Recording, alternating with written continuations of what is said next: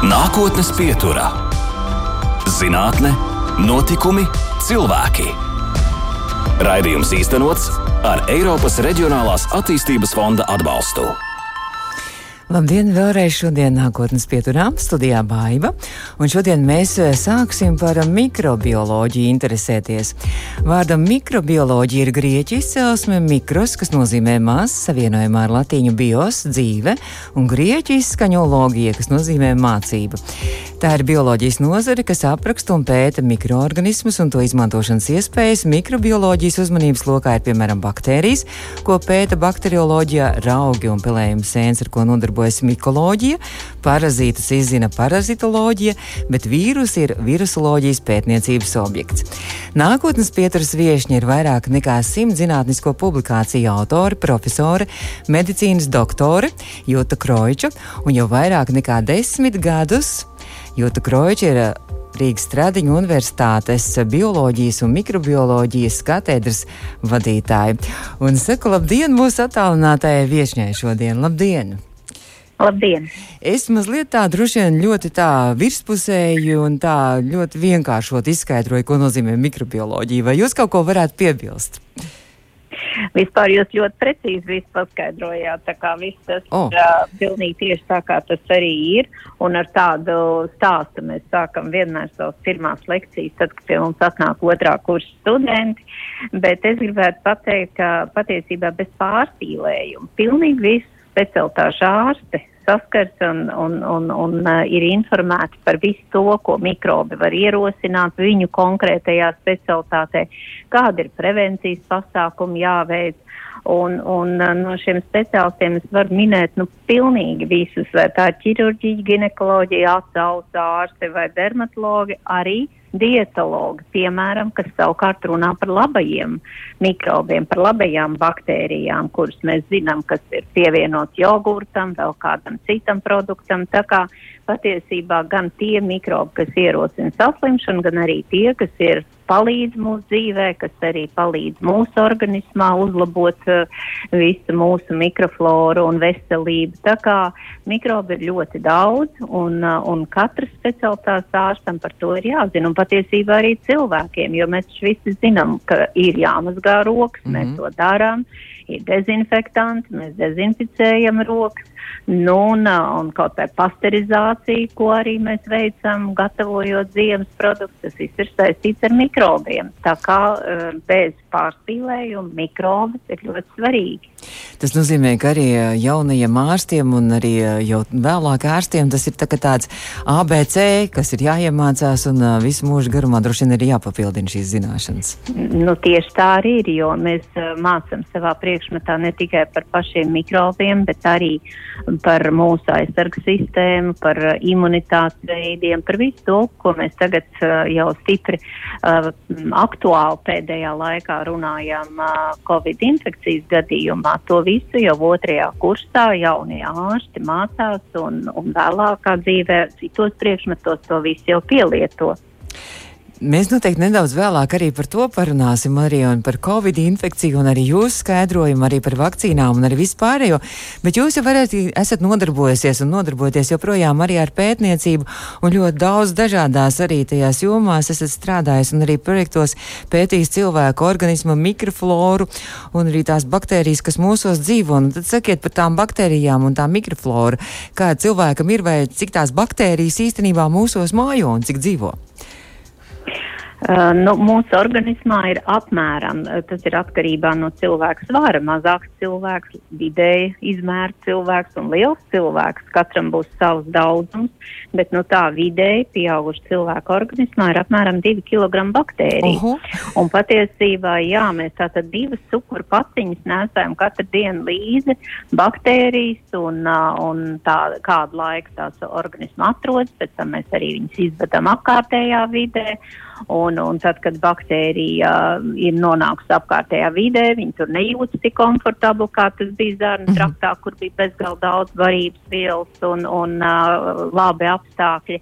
Tā kā par to arī mēs mikrobioloģijā runājam, ko tad mēs varam darīt un kā šīs baktērijas uh, savā starpā mm, izturus, jo tagad jau ir tik uh, smalki pētījumi veikti, kas uh, liecina par to, ka, piemēram, baktērijas cīnās par vietu uh, zarnu traktā, ieņem konkrētu nišu, un ja tur atrodas normālās, labās baktērijas, kuras, eh, kurām tur ir jābūt, kuras piedalās barības vielu šķelšanā, kuras mēs arī uzņemam ar uh, pārtiks produktiem, vai, kā es minēju, jogurtu vai kefīru, nu, ja ienāk patogēnā baktērija, viņai vairāk nav īsti, kur uh, piestiprināties, un tā ir tā mūsu aizsardzība, tā mhm. mūsu pirmā aizsarga sistēma. Tā kā šeit notiek baktērija cīņa savā starpā un arī attiecībā attiecīgi ar mūsu organismu aizsargs spēkiem, jo katrai baktērijai ir dots konkrēts uzdevums šai dzīvē. Labajām baktērijām tas ir viens, kaut ko ražot, kaut ko, uh, kaut kā aizsargāt mūsu, un patogēnām baktērijām ierosināt saslimšanu. Bet ikvienai baktērijai ir galvenais uzdevums par katru cenu izdzīvot. Un, lai viņi par katru cenu izdzīvot, viņiem vispirms ir jāpiesaistās pie mūsu zarnu trakta, ja mēs runājam par zarnu baktērijām un uh, izmanto baktērijas pilnīgi visus savus virsmas faktors, lai tikai pieķertos pie zarnu trakta un lai izdzīvotu. Un tālāk jau viņi sāk vairoties un darīt visu to, kas nu viņai ir paredzēts darīt, bet jāizdzīvo ir par katru cenu. Kā mēs varam ietekmēt eh, to labo baktēriju daudzumu savā organismā ar pārtiku, ar eh, dzīvesveidu, ar, nu kā parasti saka, sportu, ar sportu, jo droši vien, ka nē, droši vien vairāk arī ar, ar tieši ar pārtiku un dzīvesveidu. Jā, nu, tagad jau ir uh, attīstījusies zinātne, kas ļoti pēta uh, tā saucamos probiotiķus, uh, kas tieši ir šīs labās baktērijas, arī jau tagad runā par prebiotiķiem Un tagad ir jau vēl viens jauns termins - postbiotiķi radušies. Tātad šie prebiotiķi savukārt atkal ir visas tās vielas, kuras mūsu organismam ir vajadzīgas, lai tās labās baktērijas labi justos. Tā kā mēs rūpējamies arī par šo labo baktēriju komfortu. Nav tā kā mēs tikai mm -hmm. uzņemam ar jogurtu vai, vai, vai kādiem skābiem piena produktiem šīs labās baktērijas, bet vēl mums jāparūpējās, lai viņas labi justos tur, lai vairotos, lai saglabātos attiecīgā daudzumā, un, un tie tad ir lūk šie prebiotiķi. Tā kā tā zinātne ļoti attīstās arī šajā jomā, dietologi par to ļoti daudz runā, tā kā tās mēs visu saprotam par tā saucamajām labajām baktērijām. Kas ietekmē to slikto baktēriju daudzumu un vairošanos mūsu organismā? Nu, kaut vai, piemēram, šīs labās baktērijas, Jā. viņas neļauj šīm sliktajām savairoties, izdala attiecīgi sliktajām nepatīkamas vielas, nepiemērots apstākļus, ja, vai tur tieši skābu vidi rada, vai, vai tieši otrādi izdala kādus toksīnus un sliktās aiziet bojā, un, vai vienkārši tā kā apmēram mēs stādamies priekšā, sadodās rokās ar aukoņiem labās baktērijas un neļauj tai sliktai piesaistīties. Jo uzskata, ka principā mēs inficējamies ar baktērijām daudzkārt biežāk nekā pēc tam mēs saslimstam un mēs redzam simptomus. Un ka vienkārši mēs pat nezinām, ka mēs esam bijuši inficējušies, jo tās mm. labās baktērijas uzstājas to barjeru, sadodās ar aukoņiem uh, un neļauj sliktējai pieķerties, un viņi vienkārši uh, nepieķērusies, laiks tiek izvadīts laukā. Paldies, mēs aptuveni sapratām un tātad rūpējamies par savām labajām baktērijām. Bet jūs esat arī piedalījušies dažādos valsts pētījumu programmās, kur tiek pētīta arī modernu un funkcionālu materiālu. Uh, piemēram, fotonikai, biomedicīnai un arī uh, dažādai nanoelektronikai atbilstoši tehnoloģiju izstrādi, un tieši jūs tas nozares lauciņš ir bijis bioloģisko šūnu atbildes reakciju pētījums, jūs esat vadījis arī grupas un dažādas arī šos pētījumus. Tas nozīmē acīm redzot par dažādiem implantiem un tādām lietām arī. Ja? Jā. Jā, tās ir tā saucamās, tie, tie saucamie biomateriāli, kurus arvien biežāk izmanto ļoti plaši uh, visdažādākās medicīnas nozars, kas var būt uh, protēzes, katetri, implanti. Tātad patiesībā jebkurš, nu, priekš mūsu organismu tas ir svešķermenis, bet uh, modernajā medicīnā tas ir absolūti nepieciešams dažos gadījumos, un tos ļoti plaši izmanto. Bet kā jau tas notiek um, arī nu, piemēram, antibiotika gadījumā rada ar vienu jaunus un jaunus antibiotikas, un baktērija ātri pielāgojās un, un izsa, uh, kļūst rezistenta pret tām antibiotikām, un respektīvi viss mūsu pūles un cenšanās uh, nu, šīs antibiotikas radīt apmēram pāris triju mēnešu laikā jau ir izveidojušās baktērijas, kuras vairs nevar iznīcināt ar tām antibiotikām. Un tieši tas ir šo biomateriālu gadījumā.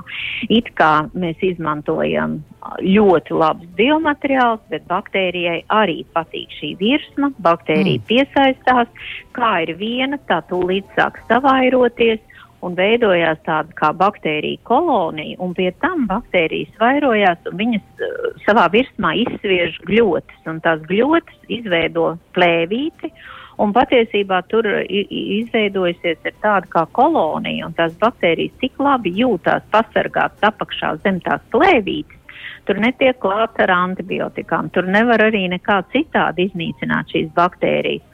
Un, uh, un tas ir visu laiku hronisks infekcijas perēklis.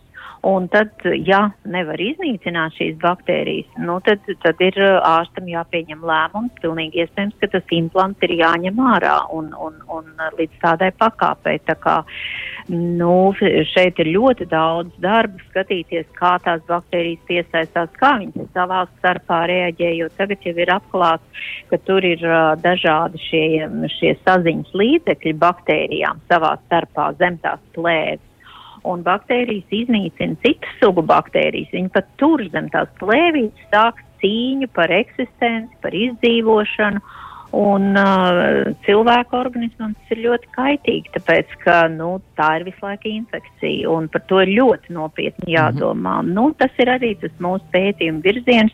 Man ir jau četri doktoranti, uh, kuri ir um, strādājuši par šo tēmu, un pirmie jau ir aizstāvējušies, un tad mēs vienkārši pētījām, kādi ir tie procesi, kas tur notiek, mm, un vēlāk jau sākām skatīties, ko tad varam darīt ar antibiotikām, un tagad ejam jau soli uz priekšu, ja ir antibiotikas mm, pa maz, nepietiekami efektīvs, tad mēs skatāmies citus līdzekļus, kā var tās baktērijas iznīcināt. Tā kā tas ir tāds ļoti nu, patiesībā aktuāls jautājums, kas ir saistīts gan ar šo antibiotiku rezistenci, gan ar biomateriāliem.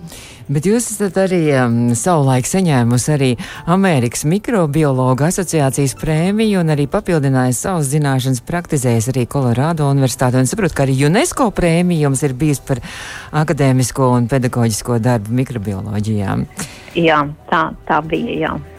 Tad... Es esmu Amerikas mikrobiologa asociācijas biedrs, un, mm. un, un, un Amerikā man ir vairākas reizes esmu bijusi papildinājusi zināšanas arī uh, izglītības jomā un Amerikas uh, žurnālā izglītības bioloģija un mikrobioloģija. Es esmu redkolēģijā un arī recenzēju rakstus, tā kā ar Ameriku man ir cieši saistīts.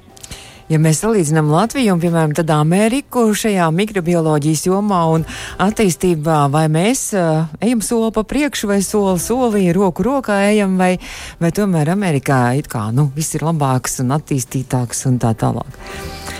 Es tā nevarētu teikt, tāpēc, ka mums ir milzīgs lēciens bijis vispār medicīnas izglītībā, medicīnas Um, dažādi, visās praktiski nozerēs. Mēs esam pilnīgi Eiropas līmenī un uh, ir, ir nozers, kur varbūt mēs atpaliekam, nav pietiekami iekārtas, kas varbūt ir citās zemēs vai arī kaut kādi specifiski preparāti. Tas jau būtu konkrētā nozarē. Mikrobioloģija pēc savas būtības neprasa tādas uh, ieguldījumus un arī tādas iekārtas. Tā kā, uh, tā kā tas, kas ir um, pasaulē, Eiropā, tas ir arī arī pie mums, un, uh, un es teiktu, ka mēs varam nodarboties arī ar pētniecību. Galvenais, lai būtu laiks vairāk. Jā, un es saku paldies, ka jūs ziedojāt laiku mums šodien nākotnes pieturē. Mēs turpināsim pēc brīža. Un mūsu attālinātā viesņa ir, es saprotu, ka šodien ir arī atvaļinājumā joprojām, jā? Turpinās. Jā? Tā ir, jā. Vasara ir mūsu atvaļinājuma laika. Jā, Stradiņa universitātes profesora, medicīnas doktora, mikrobioloģi Jūtu Kroiču. Nākotnes pieturā. Mēs turpinām raidījumu nākotnes pieturā. Šo raidījumu varat pēc tam noklausīties arī mūsu mājaslapā, audio sētē, arī Facebook, arī podkāstos, Spotify, Google, Apple. Un mūsu šodien attālinātā viešņa ir Stradiņa universitātes profesora, medicīnas doktore mikrobioloģiju, Jūtu Kroiču un arī eh, mikrobioloģijas un uh, bioloģijas un mikrobioloģijas katedras vadītāju. Mēs uh, jau sākumā runājām, ka mazliet arī mazliet parunāsim arī par vakcīnām un par vispārējo. Kas saistīts ar to ir, un kopš pandēmijas sākuma es esmu pamanījis, ka es, ja jūs esat ļoti, ļoti pieprasīta eksperte, skaidrotāja, iedvesmotāja, nomierinātāja dažādās diskusijās, lekcijās, semināros, tiešsaistēs, intervijās. Un ne tikai, ne tikai mm, tā klausītājiem un lasītājiem, bet arī kolēģiem, studentiem, dažādu nozari, arī mediķiem un dažādu jomu pārstāvjiem. Skatījos, ka jums arī bija arī laikam seminārs arī ar tirzniecības darbiniekiem, un viņiem tikā arī skaidrots, kas nozīmē, ko nozīmē vakcīnas un kā tās darbojas. Kā jums šajā laikā ir, tad acīm redzot, kā jūs teicāt, laika ar vien mazāk droši vien jūs esat ārkārtīgi da daudzās jomās piedalīties arī ar šo skaidrojumu. Nu, man liekas, jā, ka jūs pareizi teicāt, ka es esmu vairāk tādā skaidrotāji vai, vai badu sarunas.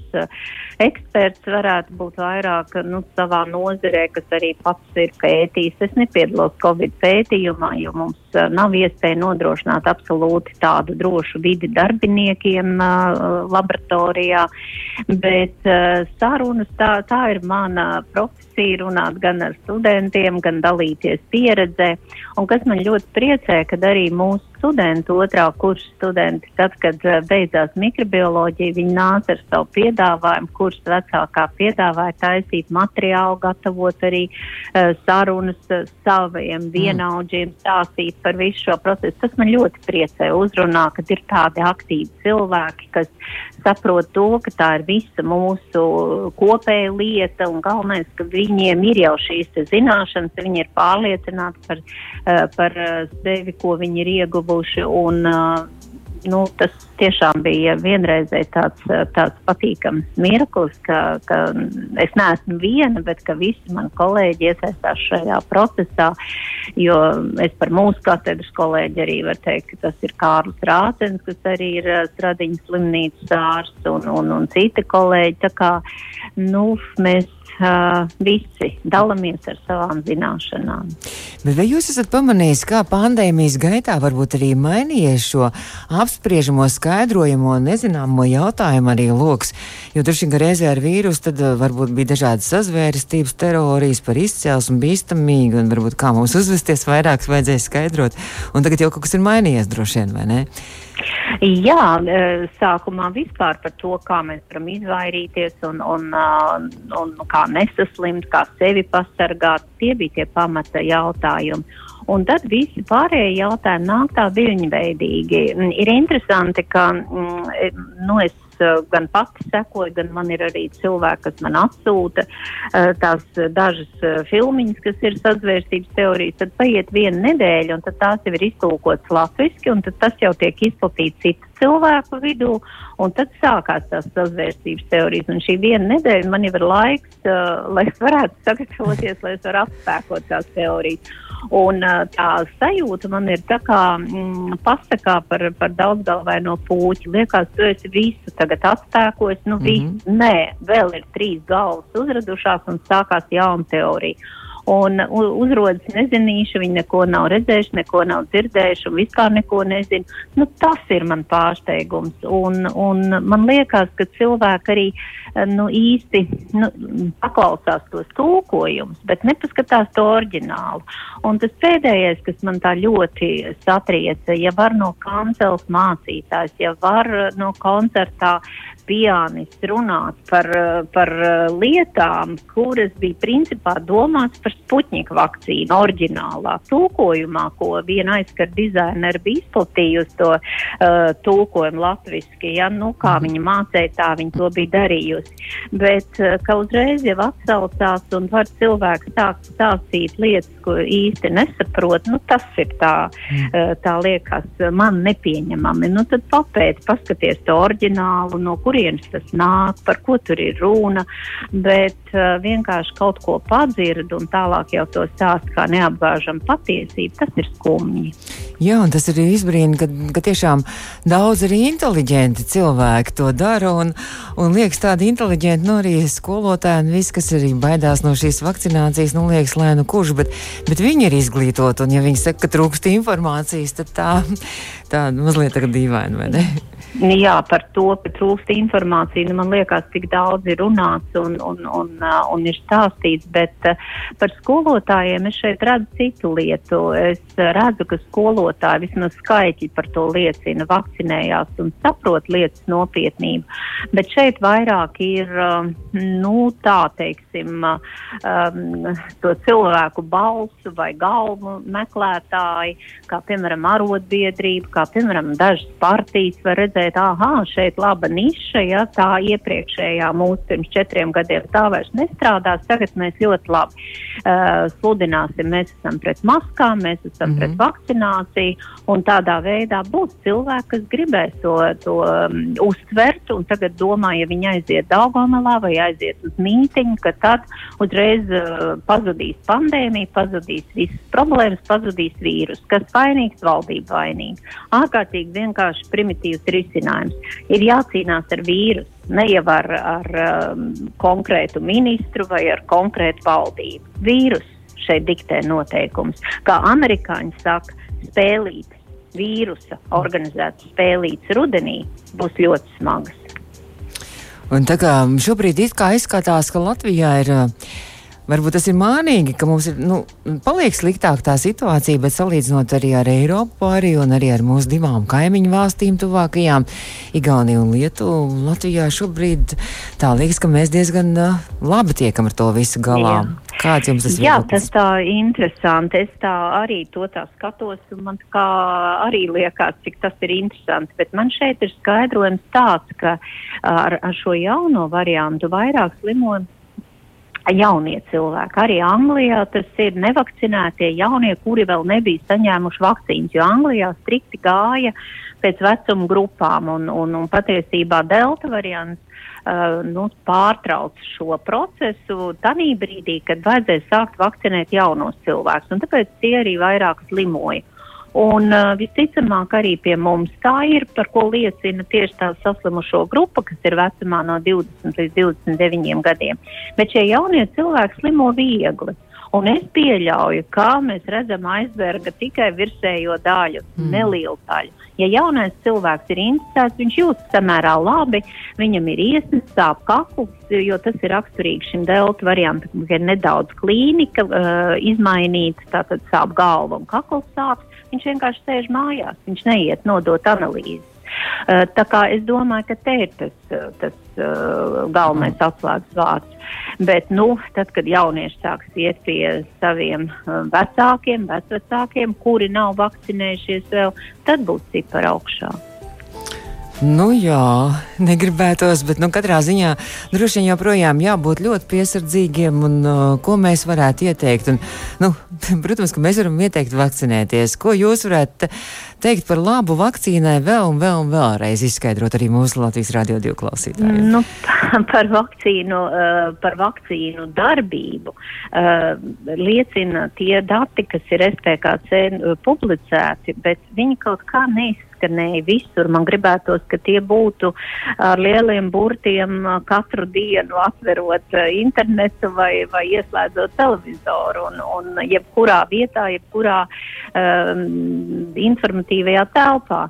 Un tas ir 97% no hospitalizētajiem, sākot no šī gada sākuma, tad, kad arī sākās vakcinācija tie visi bija nevakcinētie cilvēki. Tie 97% 3% nevakcinētie. Kas ir šie 3%?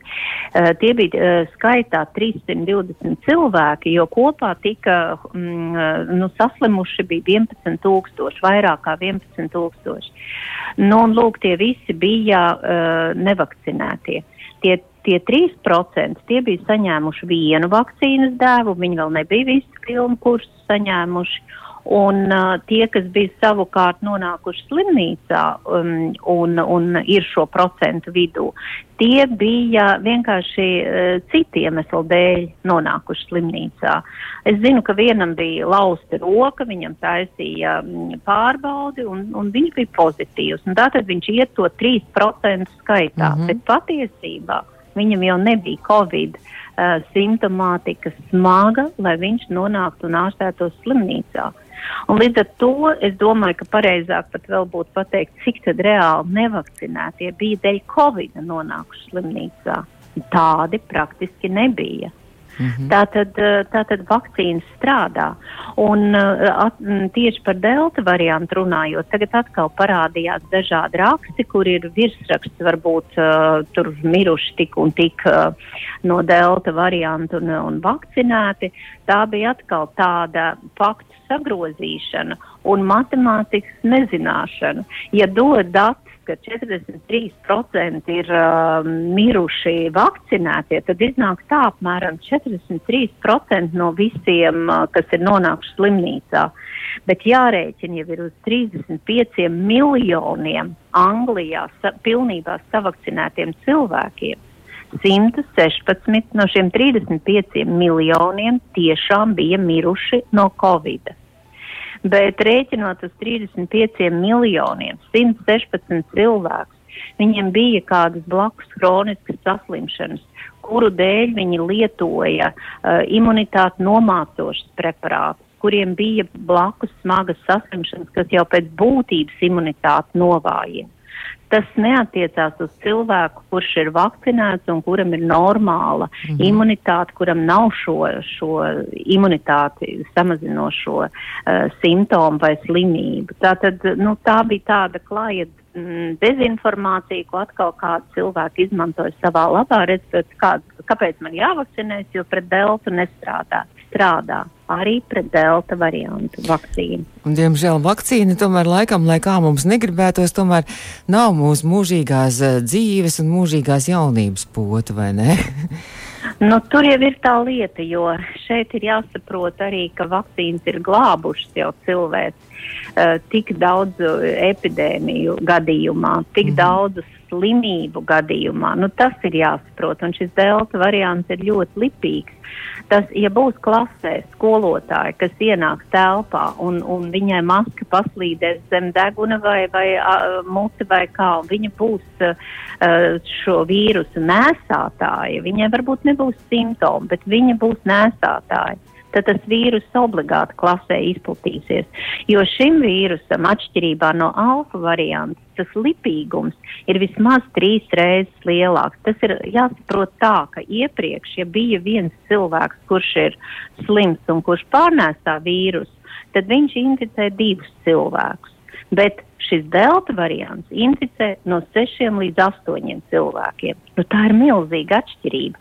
Agrāk cilvēki, mm, nu vēl pavasara periodā, stāstīja, nu, ģimenē man saslimā sieva un meita, mēs ar dēlu abi nesaslimām, piemēram. Ja. Tagad ar šo delta variantu es domāju, ka tāds stāsts vairs nebūs, tāpēc, ka vīrus ir ļoti lipīgs. Un, uh, mani uztrauc tas, ka skolotājs to tā neapzinās un, un, uh, un domā, ka, uh, ka viņi var iet klasē un it kā to masku nesāt, tās maskas vairs nepalīdzēs, jo daudzas valsts tagad atsakās arī no auduma maskām, tikai medicīniskās maskas. Tas ir respiratori, jā? Ja? Nu, gan respirātori, gan medicīniskās, mm -hmm. kas ir tomēr ar šo iestrādāto aizsardz plēvīti, jo audums no auduma jau arī atšķirās. Mm -hmm. Jo arī tas bija alfa vīrus gadījumā, kad runāja par to, ka kokvilnas audums labāk pasargā divos, trijos slāņos, labi pasargā. Kā sākās trikotāžas maskas?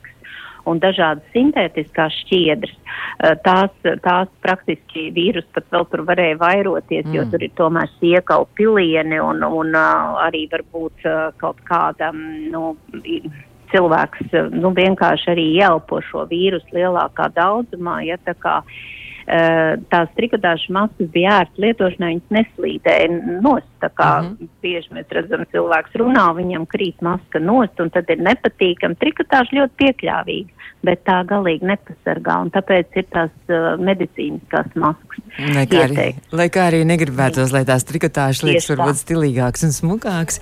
Tā gan, jā. jā. Nākotnes pieturā - zinātne Notikumi, cilvēki.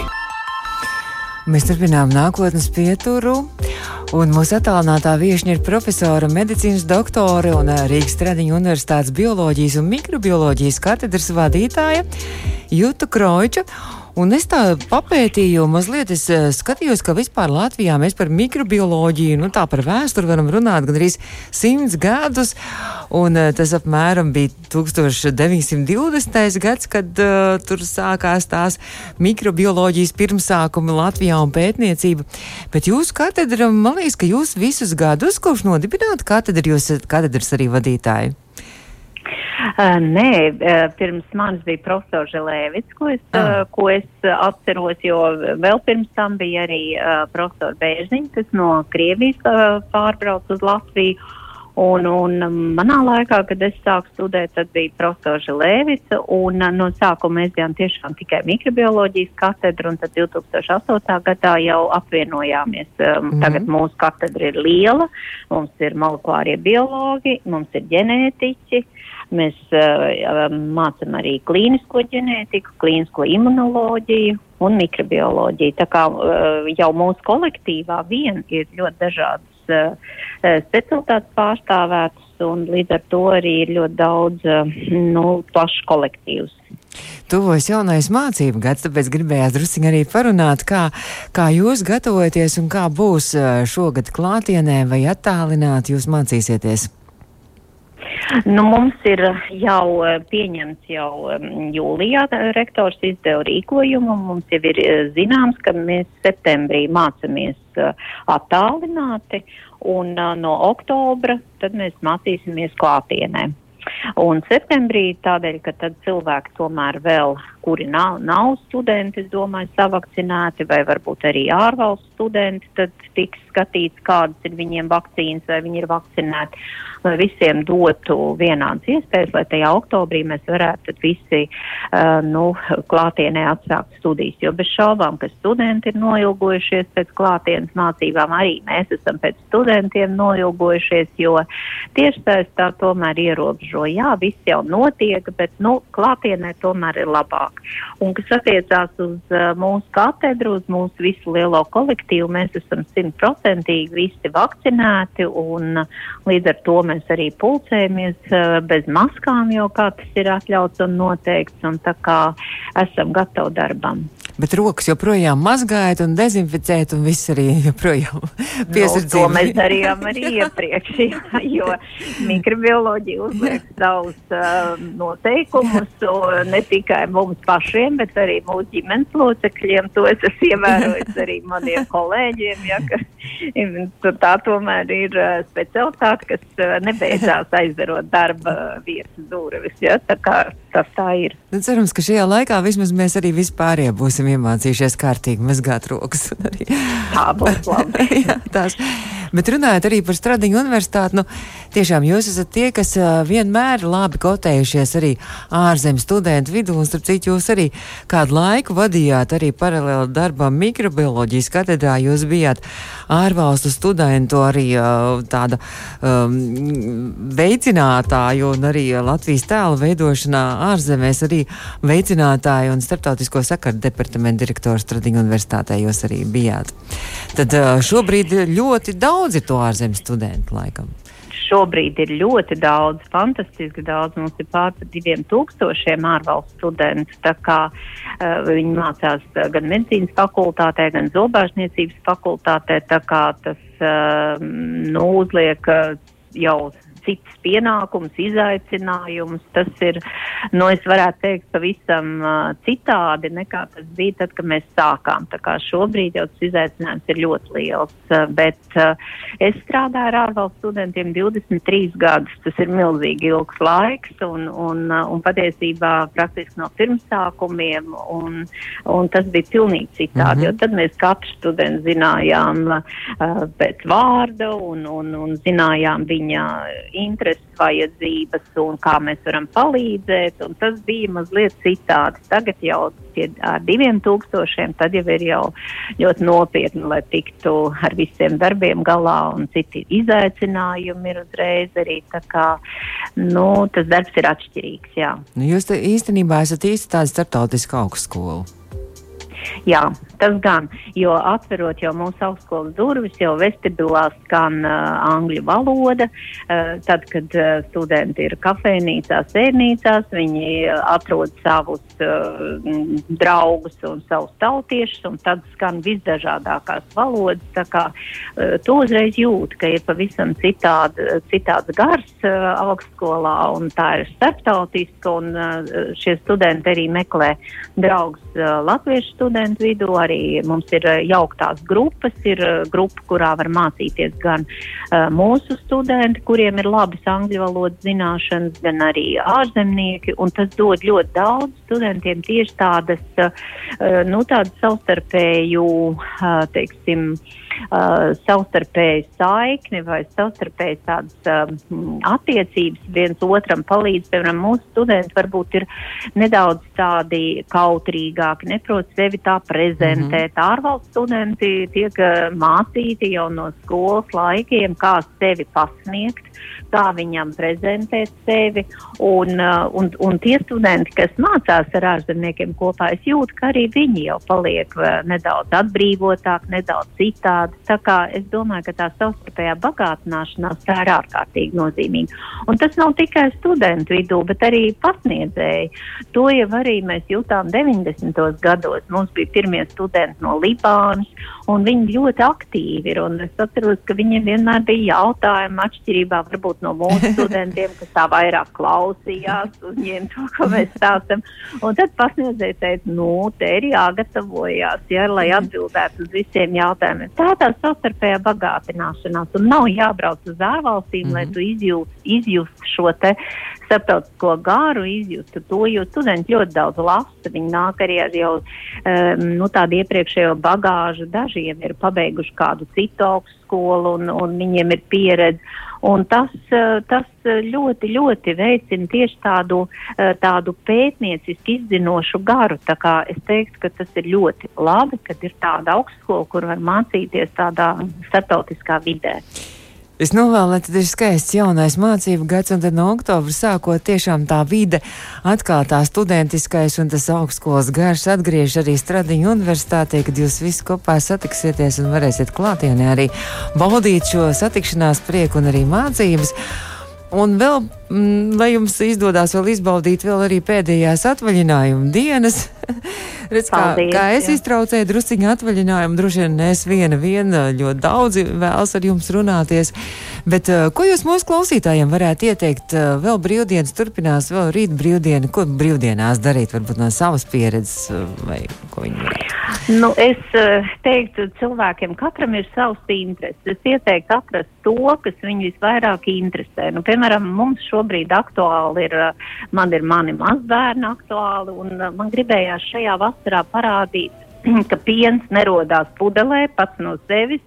Mēs apmeklējam kurzemē šeit dažādas uh, ražotājus, mm. dažādas arī, uh, nu, piemēram, pēdējais mūsu brauciens bija pie mm, paskatīties fermā gotiņas, kā slauc, un uh, tā, tā emocija, kas bija bērniem, ka viņi redzēja trīs stundu vecu teliņu, kurš jau stāv kājās un jau laužās laukā. Un, un jau, jau var paglaudīt. Un tā, tā bija lielāka nekā mēs rādījuši kaut kur aizvedot, kaut ko parādot. Ja. Uh, nu, emocija, ko viņi var redzēt uh, citās vietās, mēs esam veduši vistiņas tālīšus rādīt. Un, un tas viss, kur zemē šeit ir, kur mēs tagad vasarā esam. ap talsiem, ap, mm. ap jūrmalu. Tā kā es aicinu vienkārši atrast nu, to, kas katru visvairāk interesē, um, atrast šeit, Latvijā, pārdzīvot šo laiku, un tad jau arī viss būs labi, jo nu, pēc, pēc nakts ir rīts un būs labi visiem. Es saku lielu paldies jums, ka jūs šodien piedalījāties redzījumā nākotnes pietura tātad Stradiņa universitātes profesora mikrobioloģa Jūta Kroiča.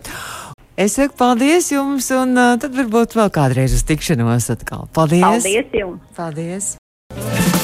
Izskan nākotnes pieturā. Raidījums īstenots ar Eiropas Reģionālās attīstības fonda atbalstu.